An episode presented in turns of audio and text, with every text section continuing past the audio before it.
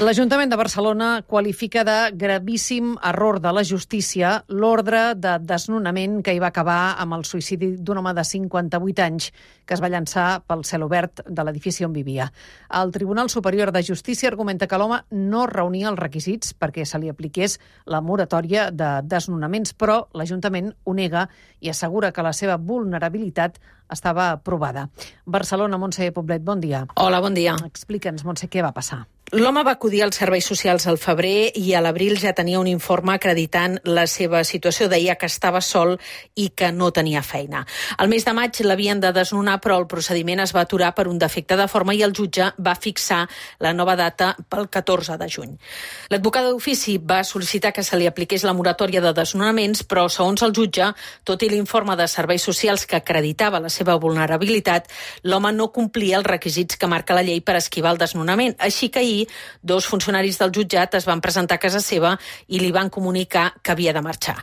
Ella els va demanar que s'esperessin i es va llançar pel cel obert. Com dèiem, Montse, l'Ajuntament desmenteix la versió del jutge.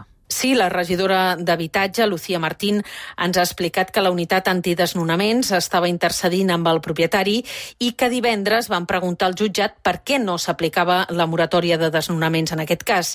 No van rebre cap resposta i ahir van anar a la porta de l'edifici per mirar de frenar in extremis el desnonament. Això ha estat un gravíssim error, és totalment injustificable la decisió que en aquest cas ha pres el jutge i tornem a reiterar la necessitat de que els criteris d'aplicació de la normativa actual de moratòria de desnonaments han de ser garantistes, han de donar garanties i han de protegir a les persones que estan en la situació més feble, més desprotegida, més exposada. Lucía Delgado, portaveu de la plataforma d'afectats per la hipoteca, també ha lamentat els fets i ha reclamat solucions per garantir l'habitatge a les persones en situació vulnerable. Un amor que podríem haver evitat no? aquesta com altres que han succeït en, en situacions similars.